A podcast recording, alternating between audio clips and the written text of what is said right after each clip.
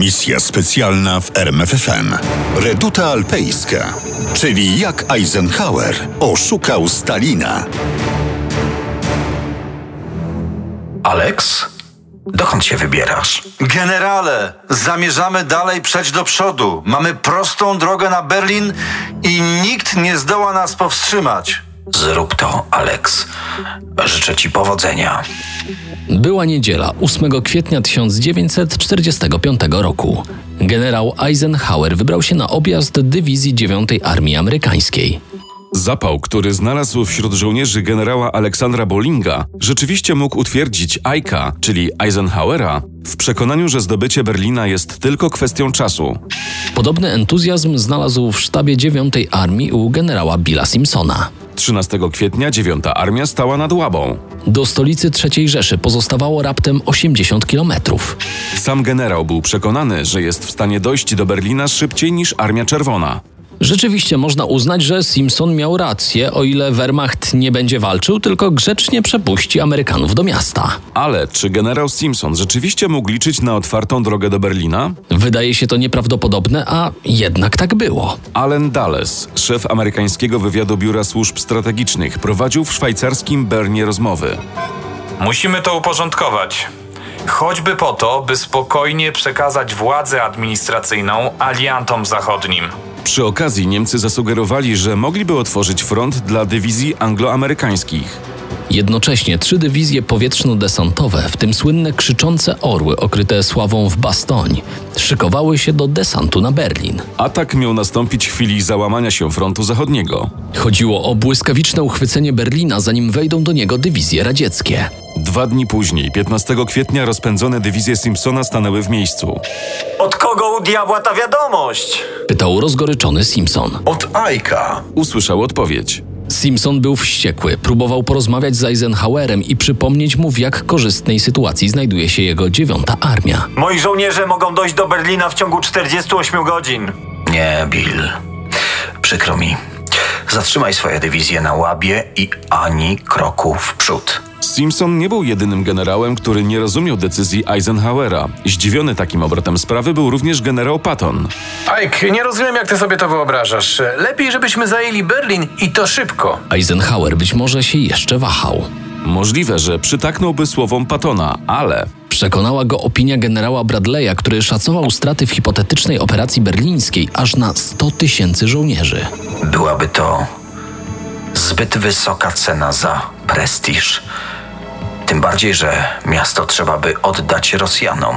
do Montgomery'ego miał powiedzieć: Berlin. Berlin to tylko punkt na mapie.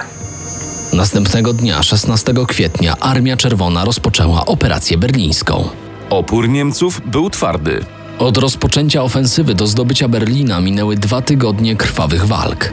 Nawet jeśli Simpson przesadzał, mówiąc, że w 48 godzin dotrze do stolicy Niemiec, to i tak Amerykanie mieli dość czasu, by podjąć z Armią Czerwoną wyścig do Berlina. Nie uczynili tego. Eisenhower zatrzymał natarcie na Łabę. Natomiast pozostałe dywizje amerykańskie i francuskie dostały rozkaz uderzenia na Bawarię i wejście głęboko w kotliny alpejskie. Skąd tak nagła zmiana priorytetów?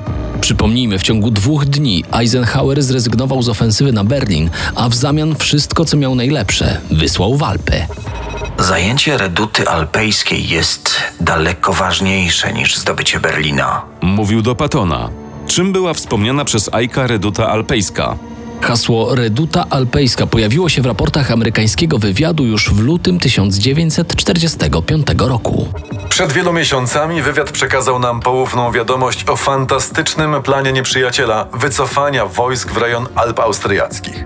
Wojska dla twierdzy miało się składać przede wszystkim z oddziałów SS, których na południowym skrzydle niemieckiej armii było stosunkowo dużo. Mówił generał Omar Bradley. Na podstawie zeznań przesłuchiwanych oficerów Wehrmachtu i SS okazało się, że Niemcy na rozkaz Hitlera przekształcili trudno dostępny obszar Alp w redutę III Rzeszy. Planowano ściągnąć tam 100 dywizji, w tym aż 30 pancernych. I właśnie te liczby powinny obudzić podejrzliwość Amerykanów. Skąd rozbity Wehrmacht miał wziąć aż 30 dywizji pancernych? ale nikt takich pytań nie zadawał. Dla sztabu Eisenhowera liczyło się to, że informacje brzmiały groźnie i wzbudzały obawy Amerykanów. Generał Eisenhower postanowił tę tajemniczą sprawę wyjaśnić. Pośpieszne zdobycie tego obszaru byłoby dla nas sprawą wielkiej wagi. Tak pisał Ike, mimo że czym dalej w las, tym niebezpieczeństwo reduty alpejskiej traciło na wyrazistości. W końcu wywiad aliancki stwierdził: Nie ma żadnego dowodu na to, że strategia realizowana przez niemieckie naczelne dowództwo ma na celu prowadzenie walki w tak zwanej reducie alpejskiej. Co więcej, wzięci do niewoli niemieccy generałowie uważali taki plan za śmieszny i nie do zrealizowania. Ale legenda miała zbyt wielką siłę oddziaływania, by ją zlekceważyć. Tłumaczył generał Bradley. A może nie było żadnej legendy? Może reduta alpejska była wyrafinowaną grą amerykańskiego wywiadu przeciw sojusznikom ze Związku Radzieckiego. Pierwszy ruch w tej grze wykonał Eisenhower. W liście pisanym do Stalina 28 marca 1945 roku Ike poddawał w wątpliwość sens ataku na Berlin. Czemu pisał do Stalina? Ponieważ chciał wybadać, jaką strategię zamierza przyjąć Związek Radziecki w decydującym okresie wojny. Podejrzliwy Stalin odebrał list Eisenhowera jako próbę odwrócenia uwagi Rosjan od Berlina. Podchwycił więc ton Eisenhowera, twierdząc, że Berlin stracił znaczenie strategiczne. Wobec tego Armia Czerwona zamierza skierować na Berlin wyłącznie jednostki drugiego rzutu. Atak miał nastąpić dopiero w drugiej połowie maja. A potem wymusił na Żukowie przyspieszenie operacji berlińskiej. Aby nie dać się wyprzedzić imperialistom amerykańskim. Eisenhower dobrze wiedział, że dywizje radzieckie stoją nad Odrą oraz Nysą Łużycką i na gwałt przygotowują się do uderzenia na Berlin. Nie był więc zaskoczony, kiedy 16 kwietnia dowiedział się o rozpoczęciu ofensywy przez Żukowa. Przeciwnie, spodziewał się jej, dlatego dzień wcześniej zatrzymał Simpsona nad Łabą. Miał to, czego chciał: spokój w Bawarii i w Alpach. Potrzebował go, aby zdobyć skarby III Rzeszy, skarby, o których tajne raporty wywiadu mówiły już co najmniej od 1943 roku. Ale jak wytłumaczyć Amerykanom w kraju niespodziewaną zmianę strategii? Przecież karmieni artykułami korespondentów wojennych czytelnicy gazet w Nowym Jorku, Bostonie i innych miastach niecierpliwie oczekiwali zdobycia Berlina. Wtedy przypomniano sobie o reducie alpejskiej. Groźna, naszpikowana czołgami i fanatykami z SS Reduta znakomicie prezentowała się w prasie. A jednocześnie stanowiła znakomity parawan dla prawdziwego, tajnego celu operacji. Celu, o którym wiedziało niewielu. Jednym z wybranych był Eisenhower. Co wiedział? Bardzo, bardzo dużo. Jako głównodowodzący na Zachodzie poznał tajne raporty wywiadu OSS na temat niemieckiej broni atomowej, Rakiet V2. rozwoju samolotów odrzutowych, kryptologii i tak dalej. Niemcy wyprzedzili świat zachodni i oczywiście Rosjan w wielu dziedzinach nauki, no może z wyjątkiem badań nad bronią atomową. Zdobycie tych wszystkich osiągnięć technologicznych zaoszczędziłoby Amerykanom lat mozolnych badań i miliardów dolarów. Warto było zagrać o taką stawkę. Jako pierwsi do działania przystąpili ludzie z misji ALSOS pułkownika Borysa Pasza. Szukali śladów niemieckiego programu atomowego. Lecz dopiero rok 1945 przyniósł aliantom wymierne korzyści. Kiedy na teren Niemiec weszła grupa pułkownika Pasza, wytropiono i przejęto cztery laboratoria atomowe w Heigerloch, Heschingen, Bisingen i Tailfingen. Wszystkie w okolicy Tybingi w południowo-zachodnich Niemczech. W Heschingen zdobyto reaktor atomowy. Wprawdzie nie był ukończony, lecz stanowił dostateczny dowód na niemieckie próby stworzenia broni atomowej. Schwytano ośmiu fizyków jądrowych, którzy chętnie przystali na współpracę z Amerykanami. W ramach operacji Spinacz wywieziono ich najpierw do Paryża, a później do USA, gdzie przydzielono ich do projektu Manhattan, czyli amerykańskich prac nad bombą atomową. W Sztasfurcie przyjęto i wywieziono 1200 ton rudy uranu, materiału niezbędnego do produkcji bomby atomowej. Tym razem Amerykanie musieli się pospieszyć, ponieważ Sztasfurt znajdował się w radzieckiej strefie okupacyjnej. Armia Czerwona mogła pojawić się tu w każdej chwili. Cały niemiecki uran stanowił śmiesznie niewielką ilość. Niewątpliwie laboratoria były dobrze wyposażone, lecz porównując je do tego, co robiliśmy w Stanach Zjednoczonych, było to raczej skromne wyposażenie. Czasami zastanawialiśmy się, czy nasz rząd nie wydał więcej pieniędzy na naszą misję wywiadowczą, niż Niemcy wyłożyli na cały swój projekt. Pisał później Samuel Goldsmith, szef naukowy misji ALSOS. Rosjanom sprzed nosa sprzątnięto nie tylko zapasy uranu. Z kopalni soli w Merkers konwój amerykańskich ciężarówek wywiózł złoto zrabowane przez Niemców w czasie wojny. Miliony dolarów, marek i dzieła sztuki najwyższej klasy.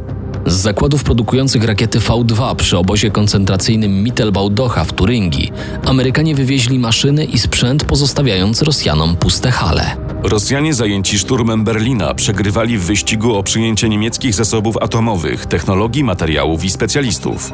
Bo naukowcy, inżynierowie i technicy woleli poddawać się Amerykanom niż Armii Czerwonej. 2 maja 1945 roku w Bawarii przed Amerykanami ujawnił się Werner von Braun wraz z grupą 22 naukowców. 33-letni Braun był konstruktorem V2. Główną postacią w niemieckim programie rakietowym. Tymczasem równocześnie z misją ALSOS do Niemiec weszły tak zwane zespoły TICOM Target Intelligence Committee. Głównym zadaniem wywiadowców z TICOM było odnalezienie i przechwycenie dokumentów, technologii i specjalistów z zakresu kryptologii pracujących w czasie wojny dla niemieckiego radiowywiadu. Ponieważ często zlecone zadania zmuszały zespoły TICOM do wypadów w głąb terenu nieprzyjaciela, oddano do ich ochrony 30 Oddział Uderzeniowy Royal Commando Marines. Co ciekawe, pomysłodawcą zorganizowania tej jednostki był Ian Fleming, po wojnie autor książek o Jamesie Bondzie. Najbardziej spektakularnym sukcesem TICOM było odnalezienie zestawu niemieckich odbiorników wykorzystywanych do przechwytywania i dekryptażu radzieckich szyfrów. Maszynę nazwano Russian Fish. A jednym z oficerów wywiadu, na którego konto zaliczono sukces, był komandor porucznik Howard Compain. Znany z książek Bogusława Wołoszeńskiego i serialu Tajemnica twierdzy szyfrów. To były konkretne zdobycze. Russian Fish przysłużyła się potem do zneutralizowania siatki radzieckich szpiegów działających w amerykańskim ośrodku badań atomowych w Los Alamos. Złapano wówczas pracujące dla ZSRR małżeństwo Juliusa i Ethel Rosenbergów oraz Klausa Fuchsa. Fuchs uznawany był za najlepszego szpiega Stalina działającego przy projekcie Manhattan. Natomiast współpraca z niemieckimi inżynierami, specjalistami od balistyki pozwoliła Amerykanom rozbudować potencjał rakietowy i zdobyć strategiczną przewagę nad ZSRR w pierwszych latach zimnej wojny. Były to wszystko korzyści wymierne, za które warto było zrezygnować z chwały zdobywców ruin Berlina. I była to niska cena, zważywszy, że zgodnie z porozumieniem ze Stalinem Amerykanie, Brytyjczycy i Francuzi i tak otrzymali w mieście swoje strefy okupacyjne. Zatem czy wywiad amerykański, chcąc usprawiedliwiać zmianę strategii przed własnym wojskiem i przed demokratycznym społeczeństwem USA, powielał raporty o zagrożeniu płynącym z reduty alpejskiej? Czy sztucznie wyolbrzymiał problem?